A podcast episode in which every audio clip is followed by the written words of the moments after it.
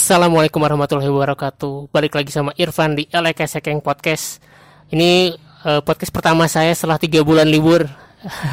karena ya karena uh, pandemi corona terus juga saya juga cuman ada di rumah aja nggak ke mana-mana terus memang ngebatasin juga ketemu sama orang tapi saya tetap nggak mau uh, bikin podcast ini via online sih jadi pengennya ya ketemu ketemu sama teman-teman saya atau sama siapa pun orangnya yang bisa benar-benar saya temui langsung karena beda sih energi energinya ya. Kalau misalkan ketemu langsung sama via zoom udah mah via zoom tuh ataupun via Google Meet itu pasti rata-rata habisnya tuh sama ini eh ini kedengeran nggak? Ini kedengeran nggak? Eh ini suara lu nggak ada nih. Udah habis sama itu mendingan jadi mending ketemu aja. Jadi ya inilah podcast pertama saya setelah libur panjang. Uh, kali ini saya ketemu sama uh, kawan lama teman kuliah juga uh, cuma beda angkatan. Namanya Kang Agus Firmansyah. Say hi dulu dong. Ya assalamualaikum. Jadi Kang Agus Firmansyah ini dulu sama saya bareng di manajemen UPI di manajemen UPI uh, saya angkatan 2005 Kang Agus angkatan 2003 nah, Kang Agus sendiri sih ya, betul. mungkin ya ketemu jadi ketemu saya karena karena pernah ngulang ya di 2005 iya betul. Ngulang akuntansi dulu. Oh iya. Kita sama-sama bareng di kelas akuntansi. Saya juga ngulang sih itu sama 2007 akhirnya. Karena ya ada kurang dapat malah yang memuaskan. Jadi akhirnya saya ngulang juga. Eh, by the way di sini kita tetap safe ya. Tetap safe uh, podcastnya. Jadi uh, jaraknya tetap satu meter dan saya juga pakai masker walaupun agak melolot, melolot terus di sini Nah, kenapa sih saya datengin ke untuk podcast pertama ini saya datang ke tempatnya Kang Agus. Kang Agus ini e, karena pertama sih deket rumahnya, deket sih. E, ini kalau rumah di sini nggak? Nggak. Uh, deket cuma 500 meter. Ah, deket ya masih di daerah Babakan Ciparai. Rumah saya di Pagarsi, jadi nggak terlalu jauh juga buat mampir ke sini lah. Saya juga nggak mau terlalu e, nyari tempat yang agak jauh-jauh dulu nih buat podcast pertama. Saya harus masih harus lihat-lihat dulu kondisi. Terus betul, yang betul Terus yang kedua ya menariknya karena Kang Agus ini uh, punya bisnis yang kalau misalkan ya orang Bandung mah ya salah satu bisnis yang cukup hot ya ya buat buat di, di Bandung. Iya betul betul. Jadi Kang Agus ini punya distro yang namanya yang saya dulu dulu sih saya kenalnya Maggot Industry ya. Iya betul sekali. Cuma sekarang saya lagi megang uh, brandnya 4B Apparel gitu. 4B Apparel. Ya. Oke oke oke. Uh, itu tapi satu ini satu grup juga. Iya satu grup. Kalau sekarang Megat itu dipegang sama adik, saya megang ini brand baru lah, Forbi Apparel gitu. Oh, jadi satu masih satu keluarga. Iya. Bedanya apa tuh itu sama Megat sama ini sama-sama apparel juga sama uh, Forbi? Sebenarnya sama aja. Uh, kalau untuk Forbi itu lebih ke brand baru, jadi kita diharapkan satu keluarga ini kita punya brand masing-masing. Ah, gitu. punya brand masing-masing, tapi hmm. nggak hmm. ada segmen yang berbeda gitu dari desainnya atau apanya gitu, yang bikin bikin beda dari antara keduanya. Eh, sejauh ini sih karena kita memang baru kita sebenarnya di awal uh, masih mengekor dengan konsep cuman dilebihin ke sebagian ke anime sih kartun gitu. oh gitu yang kartun yang mana yang yang terbaru itu ya iya yang terbaru yang 4B ini yang 4B oke okay, oke okay, uh, oke okay. ya itu menarik juga sih apa ya kalau di Bandung mah rajanya sih ya kayak gini banyak banget ya banyak banget ribuan distro di Bandung uh, punya toko nggak sih Uh, kalau toko kita di Bekasi, tadinya ada di Parahyangan. Oh, di Bekasi. Ah. Ya di Plaza Parahyangan kenapa tuh nggak ada nggak ada lagi? Uh, karena lebih efektif dari kantor aja sih jualannya karena uh, sekarang kita sudah lebih ke online sih. Oh iya ya, apalagi uh, di masa pandemi ya. Iya betul. Parahyangan juga sempat ditutup gitu kan. Oh iya ya benar hmm, juga. Itu berarti baru ditutupnya atau udah emang udah agak lama? Kalau tokonya mah udah hampir satu tahun sih oh, kita nggak di sana jadi kita lebih fokusin jualan online dari kantor gitu iya ya lebih enak ya kalau sekarang sih mau nggak mau uh, semua brand wajib sih ya iya wajib wajib wajib berjualan online kalau kemarin kan mungkin berjualan online itu masih pilihan ada yang masih offline Betul. online tapi sekarang tuh online tuh udah wajib karena kalau nah. misalkan ngandelin offline wah bahaya ya Iya, malah nggak ada pilihan lagi, harus online. Harus online bener ya. Buat Semu sekarang. Semua bisnis malah bukan cuman apa ya, bukan cuman pakaian sekarang, makanan pun mayoritas sekarang online. Iya ya. Jadi kayak kemarin juga mungkin pas bulan puasa jadi banyaknya bikin uh, yang jualan tuh frozen food iya, ya kayak betul. gitu ya. Yang bisa dimasak karena ya nggak bisa dine in juga ya. Terus Iya. semua eh, apa makanan semuanya take away. Iya betul betul. Gimana caranya kita bisa beradaptasi sama the new normal ini ya. Betul betul. Tapi sekarang gimana nih kondisi setelah ini apa setelah tiga bulan after pandemi ini apa udah mulai running sesuai dengan yang diharapkan?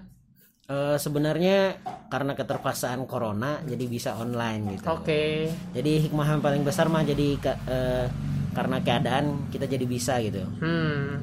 Jadi alhamdulillah sekarang sudah mulai running lagi walaupun masih setengah lah eh, atau kurang lah dari dari maksimal yang kita bisa lakukan sebelumnya. Tapi setidaknya ini sudah awal yang baik lah gitu. Daripada awal-awal corona ya kita nggak bisa ngapa-ngapain sama sekali kalau masih online. bingung ya. Bingung cuman lama-lama udah bisa menyesuaikan juga. Mungkin juga semua brand juga udah udah memperlihatkan gerakan ke sana terus jadinya bisa eh, ya bisa nyontoh beberapa hal yang mereka lakukan dilakukan juga ya. Iya betul sekali.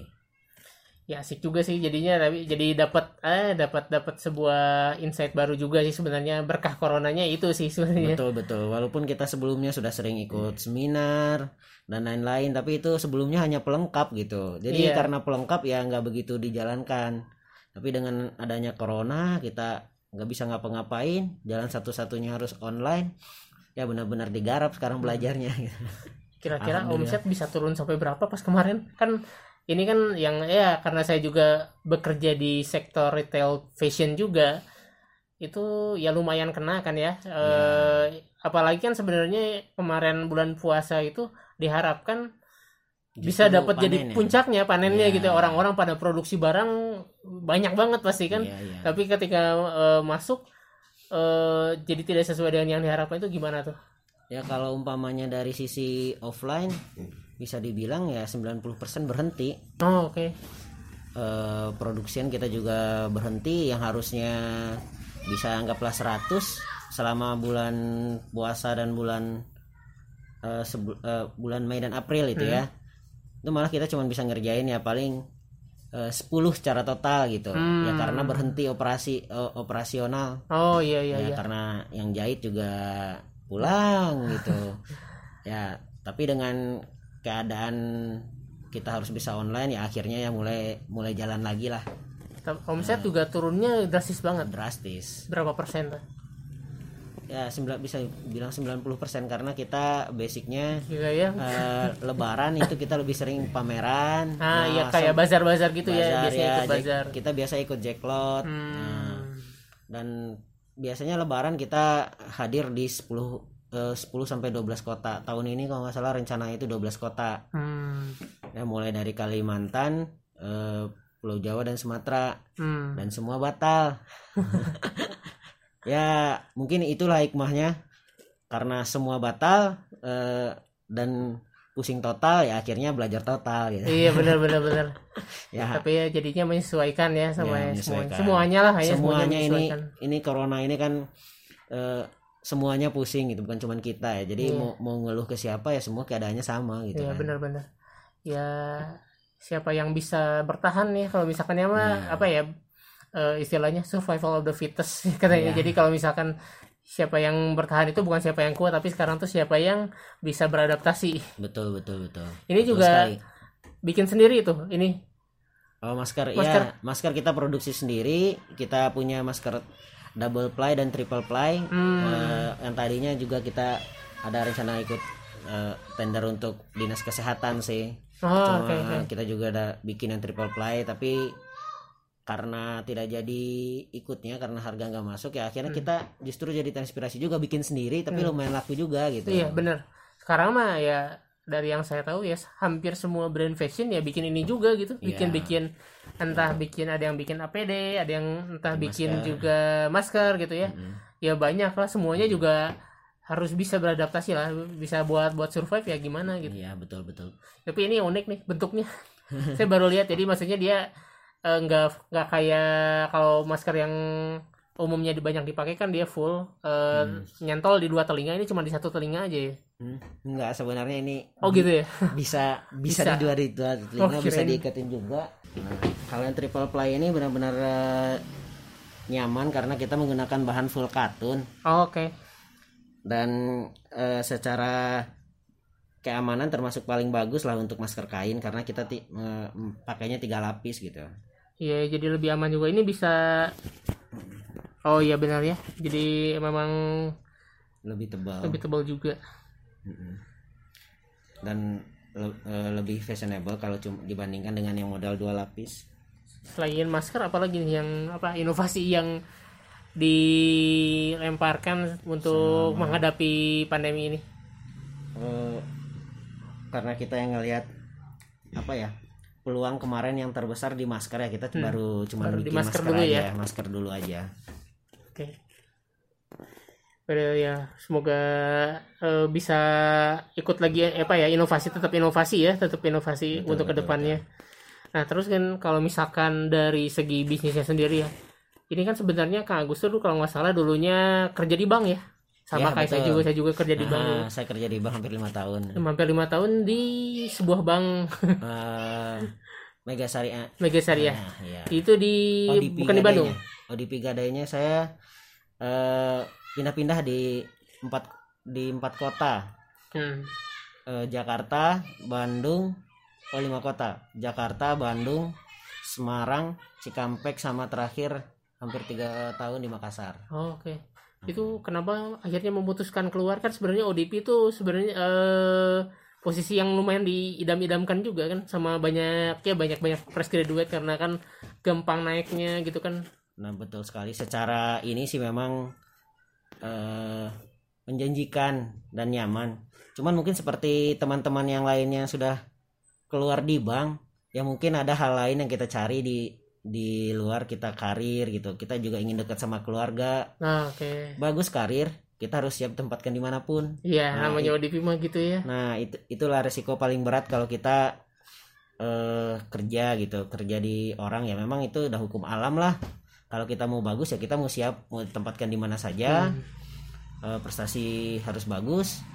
Cuman kita nggak punya waktu untuk keluarga. Hmm. Itu yang paling berat.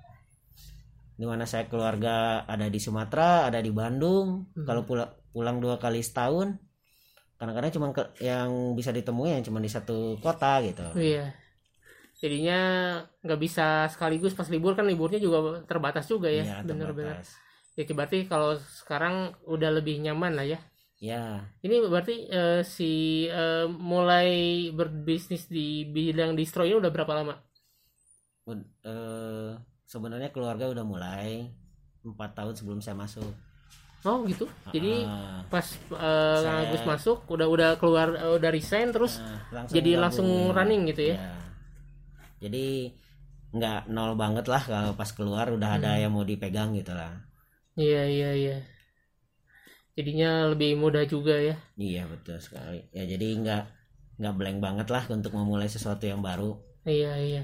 Mm. Jadinya ya enak lah ya kalau kayak gini berarti kan tapi sekarang berarti udah udah nyaman sekali ya sama sama Kerjaannya. kondisi sekarang.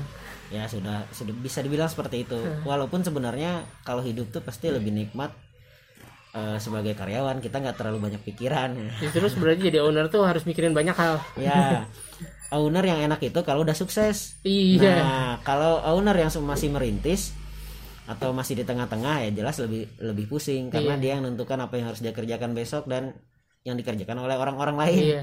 Sedangkan kalau sebagai karyawan kan kita hanya mikirin apa yang kita kerjakan. Iya, kalau udah agak lumayan di atas sih enak ya. Jadi udah bisa mendelegasikan tugas-tugasnya ya. Seperti itu. Termasuk rencana-rencana juga udah bisa seperti itu. Nah, untuk ke depannya sendiri gimana nih? Ya ini kan kita udah bahas tadi tentang bisnisnya di saat corona, tapi eh, untuk ke depannya misalkan ya eh, after corona ini apakah mau nambah brand lagi? Apa si Megat ini mau diapain lagi nih? Udah ada bayangan belum? Eh, bayangannya eh, salah satu rencana kita kemungkinan kita mau bikin eh, buka toko offline di beberapa kota gitu. Hmm. Ya sekarang sedang eh, coba ngumpulin dana atau paling enggak ngumpulin strategi lah gimana kita Hmm. bisa punya toko di di beberapa kota dengan dana yang terbatas gitu. Iya. Apakah nanti kerjasama dengan yang lain gitu. Ya rencana kita ke depan salah satunya itu dalam waktu dekat mudah-mudahan bisa terwujud. Ya amin didoakan juga ya semoga eh, rencananya ke depan untuk Megat Industri ataupun Forbi Apparel Iya, iya, iya, Habi ya. Forbi Forbi Apparel eh, bisa lancar juga dan Amin. juga bisa teratasi nih kita kita semua ya. Kita Iya. semua bisa melewati corona ini dengan baik baik dari segi kesehatannya ataupun eh, segi segi ekonominya. ekonominya itu terutama. karena Tetap kalau berjuang. ek- ekonomi nggak sehat kita nggak sehat iya bener banget. Pasti kepikiran juga makanya kan Iya. agak ya di Indonesia ini lumayan susah ketika kemarin harus dikurung banget tuh nggak bisa. ya nggak bisa ternyata disuruh tidur itu berbahaya nyawa taruhannya Oh iya bener. Karena nggak bisa ngapa-ngapain. iya sedangkan kita kan masih tetap butuh makan gitu kan Iya benar-benar.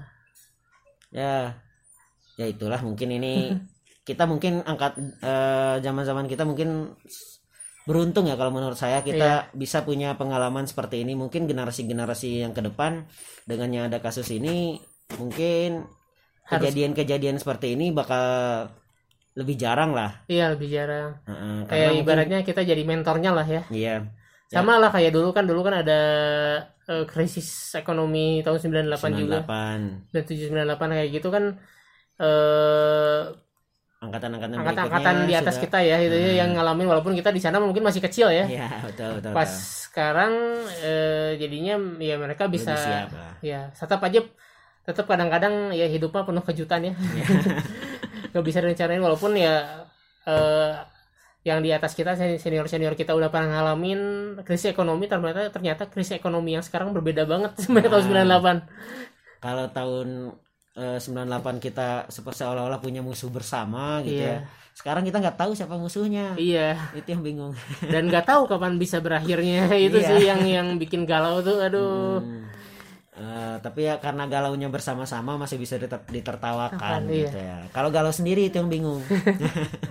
untungnya jadi ya ini pun musuh bersama tapi ya beda kondisi lah sama yang dulu ya. Betul betul betul. ya oke deh.